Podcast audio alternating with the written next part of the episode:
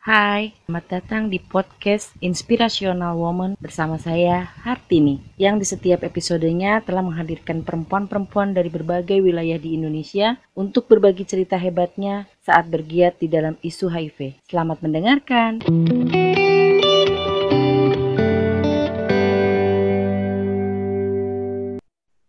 Halo, selamat sore Teh Isma. Selamat sore, Assalamualaikum warahmatullahi wabarakatuh. Waalaikumsalam warahmatullahi wabarakatuh. Gimana nih kabarnya? Sehat-sehat Alhamdulillah, baik sejauh ini luar biasa. Amin, amin. Semoga seterusnya luar biasa ya Teh. Di Bandung lagi hujan ya? Hujan deras dan Sama. itu uh, apa merata ke seluruh wilayah. Dari tadi malam di Tangerang juga, eh. Uh, kita dari eh, ya malam juga hujan sih. Iya. Oke Teh Isma. Uh, Nanti ke depan kita akan ngobrol santai aja. Kita kayak diskusi sambil sharing, sharing sambil diskusi, ngobrol aja biasa. Ah, siap. Teh, aku boleh dong mau Teteh perkenalan dari mana dan sejak kapan Teteh aktif di isu HIV atau tergabung di IPI? Enggak Teh? Oke, Bismillahirrahmanirrahim. Uh, perkenalkan, nama saya Ismaya. Saya berasal dari Bandung, lahir dan besar di Bandung. Uh, orang tua dari ayah dari Jawa, ibu dari uh, Jawa Barat. lahir tahun 77 juga. Ya lumayan lah, udah tuir lah gitu kan.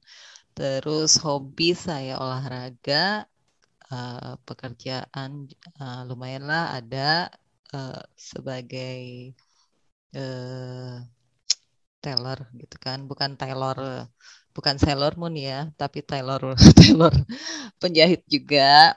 Insya Allah sampai saat ini masih berkecimpung juga.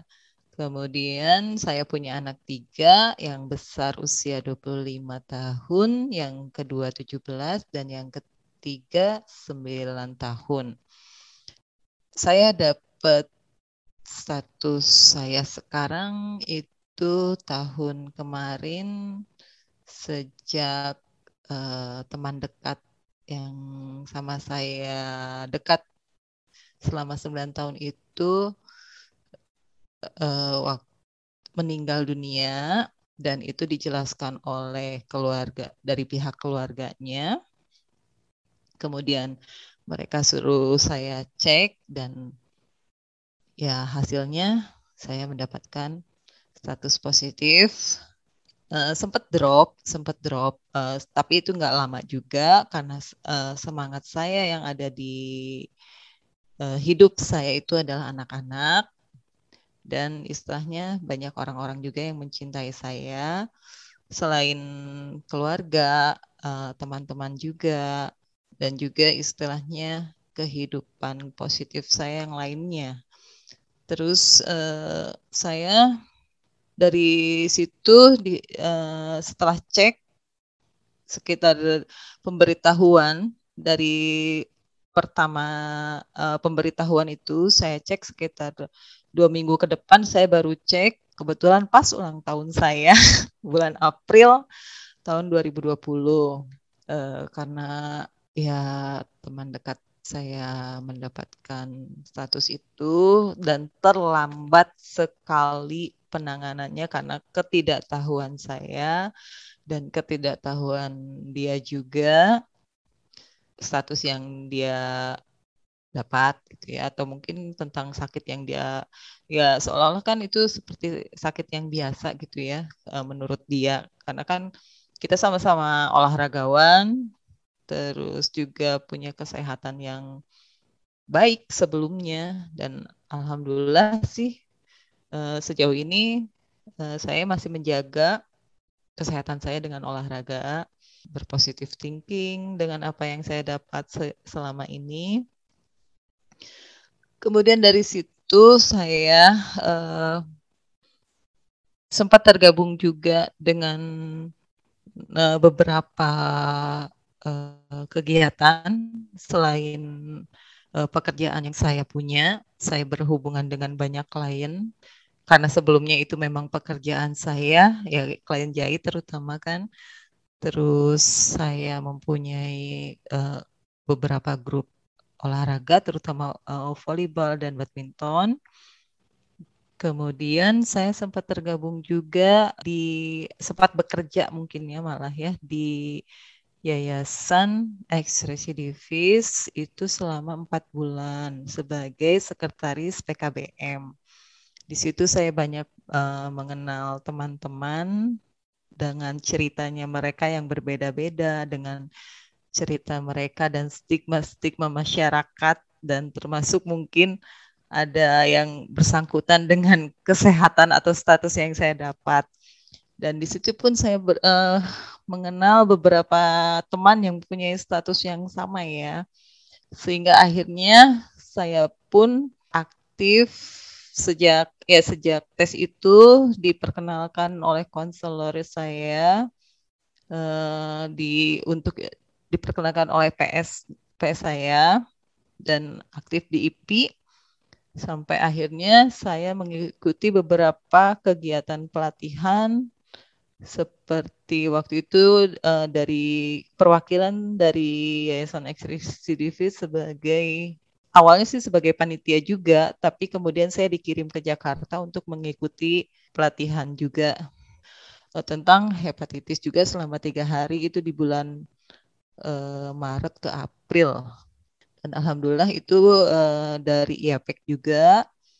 Kemudian ke sini-sininya banyak pelatihan yang saya ikutin, ter termasuk sebagai uh, nara narasumber ya dari mahasiswa juga itu semakin meningkatkan keingintahuan saya, kemudian meningkatkan pengetahuan, wawasan serta sosial saya untuk teman-teman yang lainnya.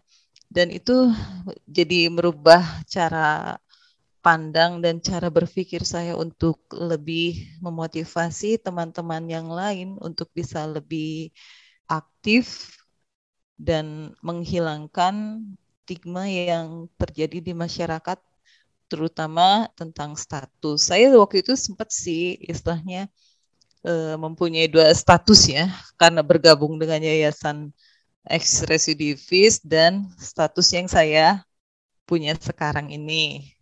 Dari dari hal itu mungkin saya juga uh, berpikir kalau masyarakat kita itu masih uh, apa ya mencap buruk pada hal-hal yang mereka tidak paham tentang apa yang mereka tidak ketahui mungkin seperti yang saya saya lakukan sebelumnya karena status yang saya ban pun sebenarnya eh, waktu itu se seperti apa ya seperti hal yang menakutkan tapi ternyata setelah bertemu teman-teman di ya di komunitas IP saya menjadi lebih banyak termotivasi untuk lebih tahu lebih tahu dan lebih banyak tahu lagi sehingga mencari wawasan. Dan alhamdulillah setiap kali ada pertemuan eh, kita selalu sharing bareng. Kemudian ada narasumber yang memberikan penjelasan dan saya istilahnya terinspirasi sekali oleh uh, Teh Dwi sama Teh Ayu ya yang istilahnya mereka lebih dulu mendapat status yang saya seperti saya tapi mereka itu seperti selalu fight dan selalu semangat. Dan itunya menjadi menularkan motivasi yang baik juga. Dan itu istilahnya ingin saya lakukan juga sih untuk teman-teman yang lain gitu yang belum paham. Makanya saya, setiap ada kegiatan setiap ada pertemuan saya selalu ingin ikut dan ingin ikut. Jadi membuat saya semakin kuat semakin percaya diri walaupun apa yang terjadi dengan status yang saya dapat, tapi ya alhamdulillah sih sejauh ini kesehatan saya selalu terjaga karena saya menjaga baik olahraga, kehidupan saya, saya tidak merokok, saya tidak eh, minuman beralkohol ataupun ke hal-hal yang ya istilahnya bisa dibilang negatif ya ke nafsu atau narkotika kayak gitu insya Allah alhamdulillah saya enggak tidak mengenal. Mengenal sih cuma sebagai pengetahuan saja cuma saya tidak menggunakan hal-hal seperti itu. Dan yang menjadi uh, apa ya beban mungkin bukan beban sih sebenarnya cuman saya menikmati aja saya memang belum berani terbuka kepada keluarga tentang hal ini. Tapi ya alhamdulillahnya saya juga sudah punya teman dekat yang bisa mengerti dan bisa menerima dengan status yang saya dapat seperti sekarang. Sampai sekarang kita masih berjalan. Dan alhamdulillah anak-anak saya semuanya eh, lahir sebelum saya mendapat status ini. Mungkin segitu ya kalau untuk uh, perkenalan saya. Oke teh, uh, luar iya. biasa ya, ya baru banget ya. Maksudnya kalau dibilang ini baru masih sangat baru, tapi teteh ini langsung yang pick up ya, langsung mendapatkan kekuatan yang luar biasa untuk bisa nggak berlarut-larut, tapi bagaimana nih ke depannya. Teh, punten, aku mau nanya, uh, tadi Tete sempat bilang ada teman dekat selama 9 tahun. Teman dekatnya Teh, teman dekat hidup suami, pasangan, atau seperti apa Teh? Uh, waktu itu kita pasangan tidak menikah.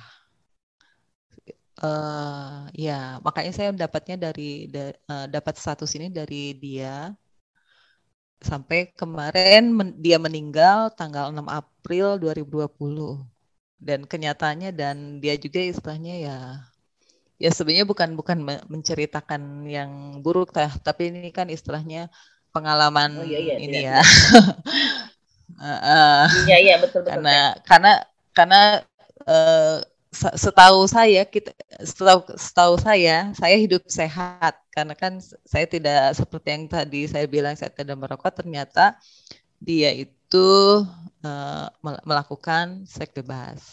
Itu aja. Oke.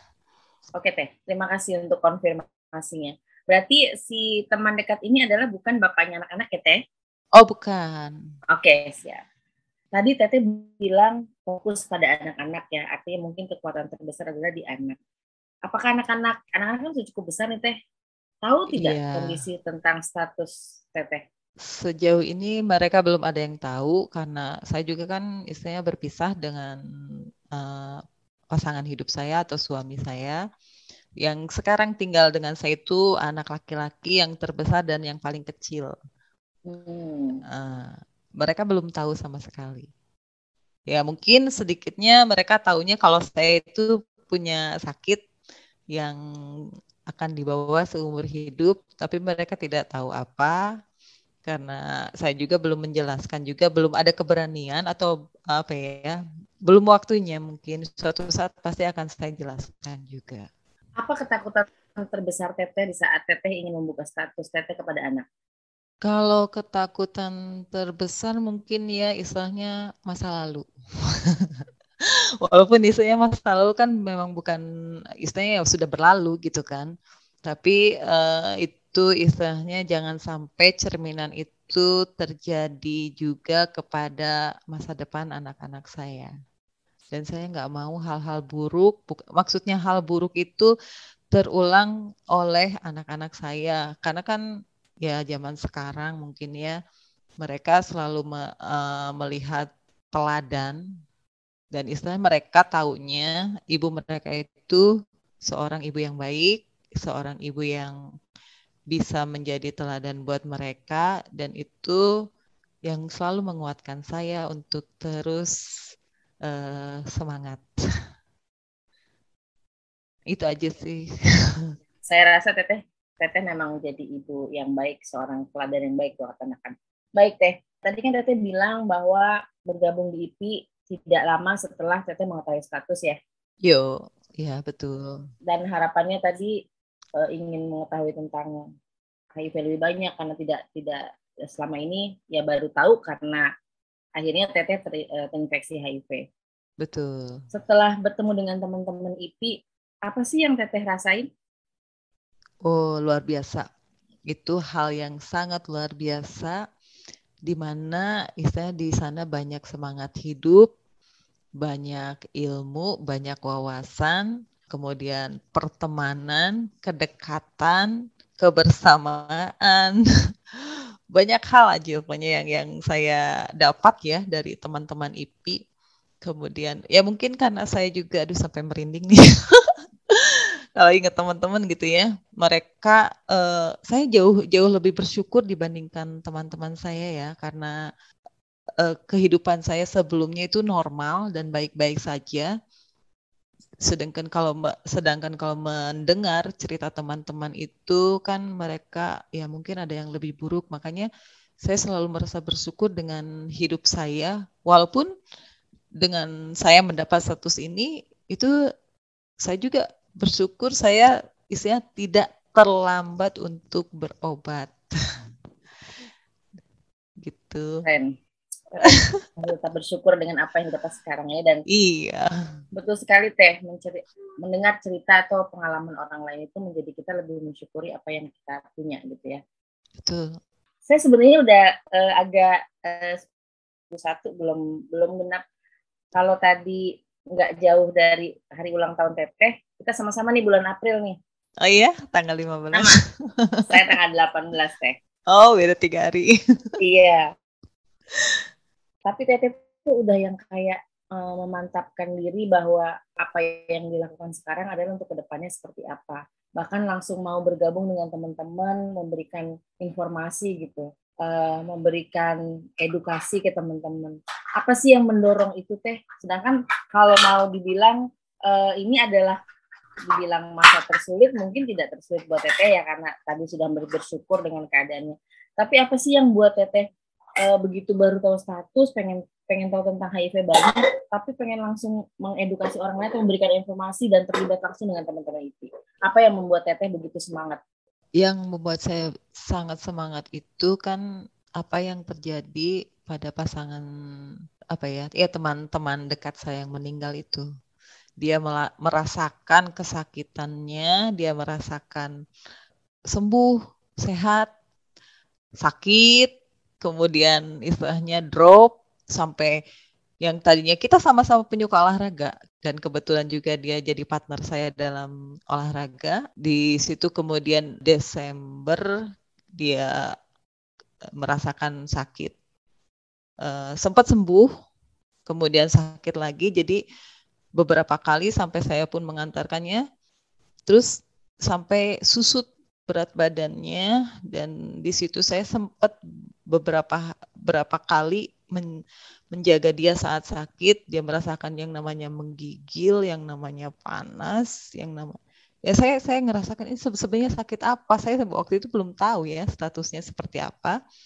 Dan istilahnya karena ah, pada akhirnya dia minta pulang juga ke tempat asalnya yaitu di Tasik dan saya juga tetap harus bekerja di Bandung. Kita berjauhan, sempat memantau juga saya di situ. Sampai keluarganya pun taunya dekat. Karena dekat sama saya, dia selalu uh, keluarganya selalu memberitahu tentang kondisi kesehatannya. Dan itu bisa dibilang apa ya uh, disebut uh, mengerikan buat saya ya sejauh yang saya tahu gitu yang namanya sakit sesakit-sakitnya karena saya uh, se seumur hidup ya alhamdulillah selalu diberikan kesehatan. Dan istilahnya dalam waktu empat bulan itu drop banget uh, berat badannya susut sekali sampai benar-benar kurus sampai dia merasakan karena karena saya pernah menjaganya. Nah, di situ saya istilahnya begitu dikasih tahu ya sempat drop gitu. Saya ada ketakutan juga ha, uh, apa yang terjadi seperti itu, tapi ya alhamdulillah uh, konselor sama PS saya juga menjelaskan ini bukan akhir dari segalanya karena yang mempunyai hidup uh, nyawa atau hidup itu Allah kan. Dan dari situ saya merasa lebih bersyukur bertemu teman-teman bertemu dengan hmm, hal ini juga karena saya bisa uh, menularkan atau jadi apa ya influencer juga buat yang lainnya memotivasi agar untuk segera berobat daripada tidak sama sekali walaupun istilahnya kita terlambat gitu ya, terlambat tahu.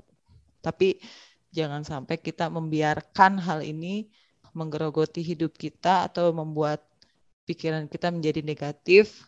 Kalau pikiran kita negatif kan itu akan membuat stres dan itu akan memicu uh, apa yang ada di dalam diri kita itu semakin drop, betul. ya, seperti itu sih. Kalau ya itu sih melihat dari uh, pengalaman teman dekat saya yang itu yang mem memotivasi untuk saya uh, harus melakukan sesuatu ya betul supaya tidak ada lagi seperti uh, yang Teh Isma rasakan kehilangan orang yang sangat dekat 9 tahun bersama kehilangan dengan yeah. sakit yang kita nggak tahu itu sakit apa gitu ya nah, semoga ini itu. tidak terjadi kepada orang betul. lain mungkin mungkin garis besarnya seperti itu ya Teh ya Iya, apalagi kan setelah mendengar dari teman-teman ya, saya waktu di yayasan uh, eh, XR juga sama mendengar istilahnya mendengar cerita teman-teman yang ada yang lebih mengerikan dari hal itu, kemudian cerita dari teman-teman IP pun istilahnya ada yang sampai harus opname, harus uh, mengeluarkan banyak biaya gitu ya itu sungguh-sungguh saya nggak mau sep sampai seperti itu. Makanya saya selalu berpikir positif, jangan sampai stres melanda hidup saya. ya, kayak betul. Jauh-jauh dari stres teh. Ya, betul. Yang teteh lakukan itu sudah sangat luar biasa. Jadi begitu tahu status, menyadari berlangsung berdamai dengan virus, istilahnya kita berdamai dengan virus ya hidup berdampingan dengan virus gitu dan Teh Isma langsung melakukan hal yang luar biasa untuk teman-teman lain. Semoga ini episode kali ini akan memotivasi teman-teman yang memang baru tahu status bahwa ya sekarang kita tinggal jalanin gitu virusnya sudah ada ya obatnya hmm. sudah ada tinggal Betul. kita langsung mulai pengobatan daripada terlambat. Sebenarnya tadi Tete juga ada sedikit cerita bahwa kehidupan Tete tidak banyak berubah ya Maksudnya dari sebelum tahu status uh, eh, HIV sampai sekarang sudah tahu status HIV. Sebenarnya hmm. situasi seperti apa sih kehidupan Teteh yang dina, yang yang Teteh menurut Teteh tidak berubah? Iya, kalau kehidupan saya tidak berubah, saya tetap menjalankan aktivitas saya. Ya karena mungkin saya juga seorang pekerja keras ya. Saya bertemu banyak orang, klien-klien saya juga istilahnya banyak bukan dari kalangan bawah, menengah, atas pun ada gitu kan. Makanya saya banyak berhubungan dengan orang-orang instansi juga. Kemudian teman-teman komunitas olahraga pun ada. Itu ya yang membuat saya istilahnya ya untuk apalah stres gitu tuh. Toh e, mereka masih merasa nyaman dengan apa yang saya lakukan. Selagi kita tidak membuat masalah dengan mereka selagi kita mensyukuri apa yang kita dapat dengan kasih sayang dengan ke apa ya kenyamanan yang kita berikan kepada mereka otomatis mereka pun akan memberikan kenyamanan seperti yang kita harapkan gitu. Jadi uh, sejauh ini tidak ada perubahan sih ya cuma yang yang berubah itu yang tadinya saya nggak suka minum obat sekarang minum obat gitu walaupun sehari satu itu berat Oke oke. Ya. Dari dari semua tadi yang Teteh sebutin ya dari summer misalnya atau dari teman dekat dari bahkan sekarang tadi Teteh sempat menyebutkan bahwa sekarang sudah ada teman dekat lagi gitu ya. Iya. Yang sudah tahu status dari status HIV Teteh siapa? Teman dekat saya. Kebetulan yang saat dia... ini sedang dekat. Iya. Kenapa begitu langsung percayanya Teteh cerita dengan teman dekat yang uh, apakah dia beliau adalah orang yang sudah dikenal lama atau memang baru kenal? Kita juga baru kenal uh, sekitar setahun setengah yang lalu ya. Sebelum saya dapat status, kemudian kita berjalan juga. Jadi beriringan gitu loh antara aku kenal dia dan kebetulan dia juga ex-recidivis gitu.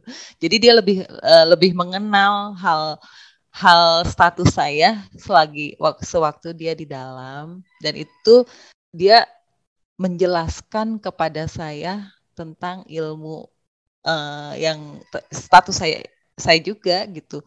Kalau di dalam tuh seperti ini, kemudian dia juga menjelaskan kalau tidak berobat itu seperti ini, malah di dalam itu ada yang lebih parah sampai seperti ini, seperti ini dia menjelaskan. Saya sangat beruntung bukan? Walaupun istilahnya ada, ada dua stigma ya, dua stigma ya.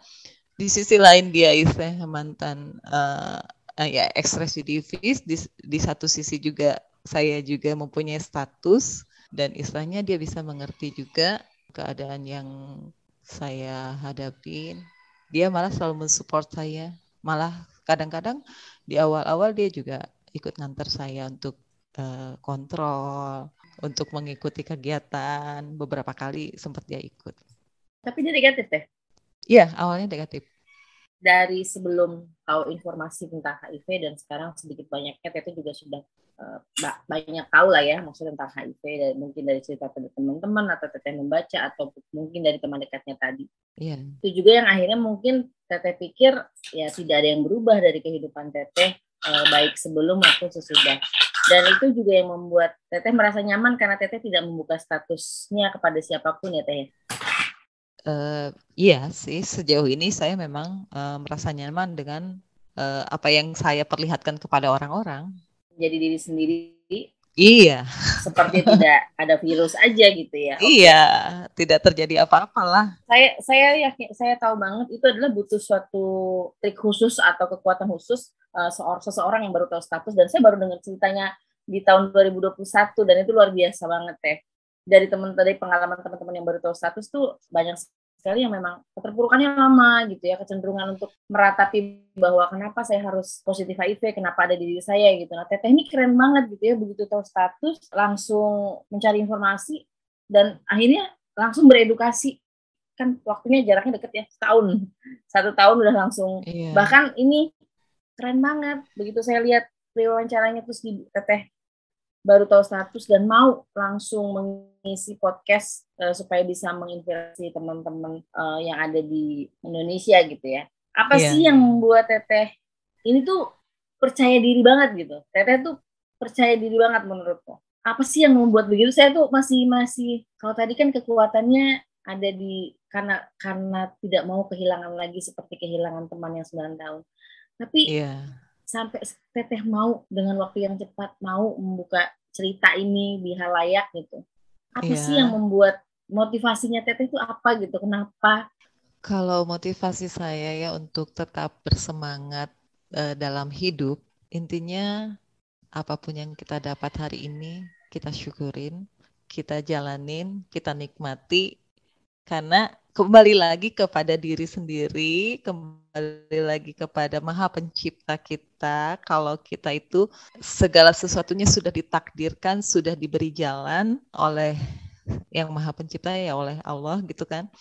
Kalau misalnya uh, sekarang ya intinya uh, jiwa spiritual saya sih yang tumbuh ya se sejak sejak uh, saya mendapat status ini juga ya syukurin aja kenapa juga harus harus disesali karena semuanya sudah terjadi. Dan istilahnya kita nggak kita juga nggak tahu kan hidup uh, mati rezeki jodoh itu sudah ada yang mengatur. Jadi tetap kembali lagi kepada keyakinan kita uh, sama Allah kalau kita akan selalu baik-baik saja. Dan istilahnya apa yang kita dapat ini status yang kita dapat ini bukan akhir dari segalanya. Jadi tetap semangat untuk menjalani kehidupan ke depannya, tapi dengan catatan harus lebih baik lagi dari yang sebelumnya. Itu aja ya yang membuat saya semakin termotivasi untuk teman-teman. Jangan sampai istilahnya ya ngapain sih harus dibikin stres yang udah lalu biarlah berlalu gitu. Jangan sampai dipikirin kalau kalau kita terlalu banyak pikiran menimbulkan stres sampai kita tidak mau berbuat apa-apa sehingga tidak akan berkembang dengan pemikiran kita sendiri. Cuma ya kalau kalau apa ya kalau bahasa Sundanya menguluwet gitu ya memikirkan satu hal padahal ba uh, padahal banyak hal yang yang bisa kita lakukan gitu. Banyak hal positif yang bisa kita kerjakan. Terutama kan kita melihat masa depan anak-anak kita terus masa depan kita juga kemudian dari situ juga kita bisa bersosialisasi dengan teman-teman yang punya status dan tidak punya status kebetulan. Alhamdulillahnya teman-teman saya juga banyak banyak yang tidak tahu juga ya tentang status saya dan sebelumnya juga saya juga banyak bersosialisasi juga dengan teman-teman yang lain itu sebagai pendengar. Istilahnya saya punya kalau kalau bisa dibilang apa ya punya grup olahraga itu sebagai aku yang bikinnya juga itu solver. Saya mengasuh teman-teman yang lebih muda. Saya menjadi penghibur bagi yang lebih tua dan mendengarkan. Kita karena istilahnya keterbukaan saya dengan hidup saya kecuali tentang satu saya ya kepada teman-teman yang belum mengetahui satu saya kehidupan saya ya apa adanya saya ceritakan gitu tentang beban saya. Saya misalnya berhubungan dengan ini menceritakan anak saya seperti ini seperti ini. Tapi ya itulah yang membuat saya lebih bersyukur. Hidup saya lebih baik. Hidup saya masih le jauh lebih baik dibandingkan kebanyakan orang yang tidak lebih baik di di bawah saya gitu. Jadi untuk hidup saya nggak pernah melihat ke atas saya melihat orang yang mempunyai kehidupan yang lebih buruk atau mungkin apa ya kurang apa intinya bersyukur aja dengan apa pun yang kita dapat sih. Itu aja sih. Luar biasa banget. Sampai saya tuh bingung mau mau nanya apa lagi nih ya sama Teisma gitu ya. Karena saya rasa Teisma ini uh, hidup di lingkungan keluarga yang memang cukup membangun komunikasi yang baik ya. Dan uh, ada metode mendengarkan dan belajar gitu. Jadi benar-benar mempunyai jiwa yang kita hidup, kita menjalani apa yang kita terima, ya kita harus jalani gitu dan tidak banyak orang yang bisa seikhlas itu Teh Isma. Jadi benar-benar ngebangun karakter Teh Isma ini yang ya terbentuk dengan baik. Saya dari tadi tuh sampai yang aduh ini kok keren banget gitu ya.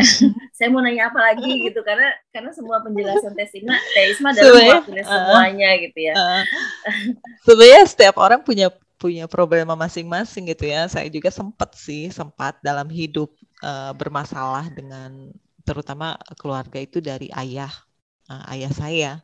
Dia punya didikan keras mungkin ya dari dari kecil saya selalu dididik keras. Walau saya padahal uh, cuma dua bersaudara, saya punya adik satu dan tidak mempunyai kakak.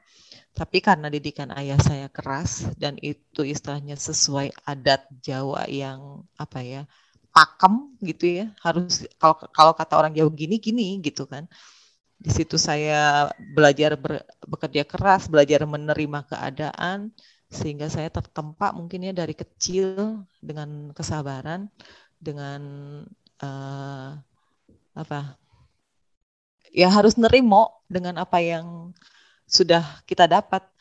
Tapi set, setelah sekian lama mungkin karena jiwa pemberontak saya juga muncul puasan saya juga muncul pemikiran saya muncul saya sempat uh, sekitar lima tahun terakhir ini sempat juga itu punya clash sama ayah itu yang yang ya memang kan setiap orang kan punya berbeda-beda ya.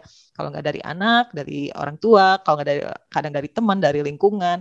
Tapi kalau misalnya uh, sebagai agar bisa menerima keadaan yang orang tua tekankan ya bisa dibilang penekanan ya orang tua kepada saya ya saya mah anggaplah karena dia uh, sebagai orang tua saya ya saya masih menghargai, saya masih menghormati.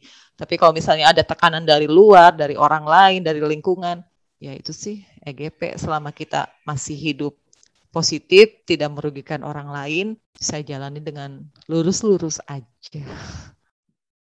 EGP ya teh emang gue pikir selagi tidak selagi tidak melanggar hak orang lain tidak iya. membahayakan uh, apa kehidupan orang lain EGP betul teh EGP aduh teh sekarang nih setelah setahun hidup dengan HIV, uh, eh, boleh tahu nggak rencana ke depan Teteh seperti apa sih untuk kehidupan Teteh, untuk eh, anak-anak, apa yang lagi direncanakan sama Teteh? Kalau uh, anak-anak, alhamdulillah yang besar sekarang sudah punya usaha. Di situ pun nggak jauh beda ya usahanya dengan saya. Dia punya toko online fashion. Di situ saya memberi apa ya termasuk sama pasang calon juga selalu baik-baik. Malah saya juga udah menganggap anak walaupun mereka belum menikah gitu ya tapi mereka eh, memperlihatkan kerjasama kayak karena kan istilahnya melihat ibu saya ibu saya baik-baik gitu. Walaupun istilahnya ibu saya itu uh, seorang uh, single fighter gitu kan. Kemudian dari untuk kehidupan saya pribadi ya kalau misalnya masih ada jodohnya Allah memberi jodoh yang terbaik dan terakhir yang bisa lebih mengerti saya yang bisa uh, menyayangi saya ya saya ingin punya pasangan hidup sampai tua gitu. Yang sama-sama amin, kita amin, bisa amin. saling menyayangi. Yang saya ya, aminin ya teh. semoga amin. amin amin. amin terus kak kalau untuk pekerjaan saya ya karena saya orangnya gimana ya uh, kalau orang Jawa sih memang sih nggak bisa diem ya. Pekerjaan saya ya saya jalani aja. Jangan sampai istilahnya saya menggantungkan hidup kepada orang tua ataupun nanti kepada anak. Selagi kita masih bisa berdikari atau istilahnya berkarya ya pasti akan saya lakukan gitu. Dan minimal saya bisa memberikan walaupun tidak berupa materi tapi saya bisa memberikan pandangan pemikiran serta contoh toh uh, yang baik untuk anak-anak saya agar anak-anak saya juga bisa mem, uh, mendapatkan satu pelajaran hidup tentang kesuksesan itu enggak selalu berawal dari materi, tapi dari jiwa besar kita, eh, menerimanya kita dan intinya rasa syukur kita atas apa yang kita dapatkan hari ini ke depan dan melupakan menjadikan masa lalu itu sebagai suatu pembelajaran atau pengalat guru yang baik buat kita. Oke teh, saya tuh benar-benar dengerin banget gitu ya. dan dan uh, mungkin ini pertanyaan dua pertanyaan terakhir dari saya yang yang pertama apa pesan teteh untuk teman-teman perempuan khususnya yang baru tahu status HIV-nya itu pertanyaan pertama. Silahkan teh. Untuk teman-teman perempuan yang mempunyai status baru ataupun sudah lama, jangan berhenti berjuang karena hidup itu bukan tergantung dari apa yang kita dapat, tapi kita selalu bergantung kepada Allah yang menciptakan kita, yang menentukan hidup dan matinya kita dan istilahnya penyakit eh, penyakit atau status yang kita dapat itu bukan akhir dari segala kehidupan yang kita jalani. Jadi tetap semangat, tetap berobat dengan baik, tetap menjalankan hal positif, berpikir positif, berkarya yang positif. Jangan sampai stres melanda kita. Nikmati saja hidupmu sekarang Pertanyaan kedua dan ini adalah pertanyaan terakhir dari saya. Sekaligus mungkin menjadi pengingat untuk Teh Isma sendiri ya, hmm. karena menjalani pengobatan yang baru setahun. Nah, pesan terakhirnya untuk teman-teman, khususnya juga perempuan yang sudah tahu status HIV-nya, tapi belum mau melakukan pengobatan atau tidak minum ARV, atau yang sudah minum ARV dan tiba-tiba putus, pesannya apa nih? Uh, Sayang banget ya. Oke deh. Untuk teman-teman yang sudah tahu status, tidak mau berobat ataupun putus ARV-nya, memang istilahnya se segala pe macam penyakit itu ada di dalam diri kita. Tergantung kita bisa menyikapinya, kita bisa berdamai dengan penyakit itu, dan istilahnya tidak akan ada satu pelajaran dari satu penyakit yang atau status yang kita dapat itu kalau kita tidak memberi um, menilai hal itu sebagai hal yang positif. Jadi penyakit ini bukan bukan apa ya, bukan satu ketakutan. Jika kita bisa mengelola kalau bisa dikoordinir kita bisa mengkoordinir atau berkomunikasi dengan sakit yang kita rasakan jangan sampai istilahnya sesuatu itu menggerogoti jiwa kita, eh, menggerogoti hati kita, pemikir sampai istilahnya pemikiran kita dan itu akan berdampak pada tubuh kita.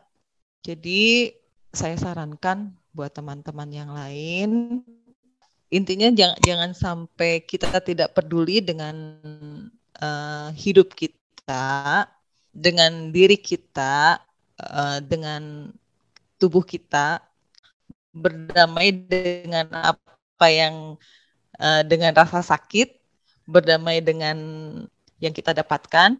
Ya, kita serahkan kepada ahlinya juga karena kalau memang kita tidak tahu jangan malu untuk bertanya jangan malu untuk mencari tahu tentang apa yang terjadi dalam tubuh kita atau status kita juga.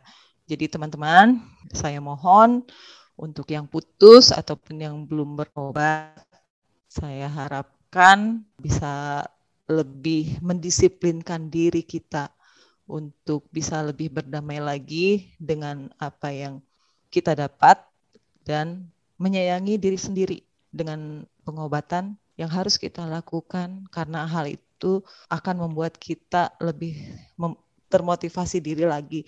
Bukan bukan minimal dengan diri kita sendiri karena masih banyak orang-orang yang mencintai kita selain keluarga, teman-teman. Karena kita dilahirkan ke dunia pun istilahnya uh, ada satu sebabnya juga akan bermanfaat buat orang lain nggak mungkin lah akan merugikan orang terus gitu kan. Tapi suatu saat kita juga akan bermanfaat untuk orang lain terutama eh, anak-anak kita.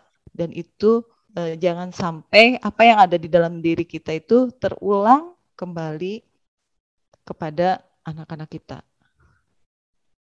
Itu aja ya. Oke teh. Terima kasih. Jawaban yang cukup lengkap ya kan?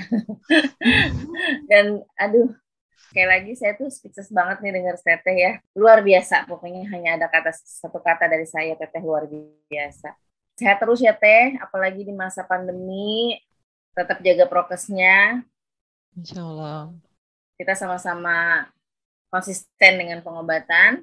Amin. Terima kasih atas waktunya Teh. Sama-sama. Semoga cerita Teteh akan menjadi motivasi uh, teman-teman perempuan di mana pun yang akan mendengarkan podcast. Amin, amin. Kita gitu ya.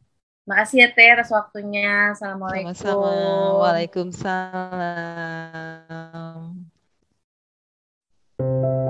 Terima kasih sudah mendengarkan Inspirational Woman episode kali ini. Nantikan cerita hebat dari perempuan-perempuan hebat lainnya ya di episode berikutnya. Sampai jumpa.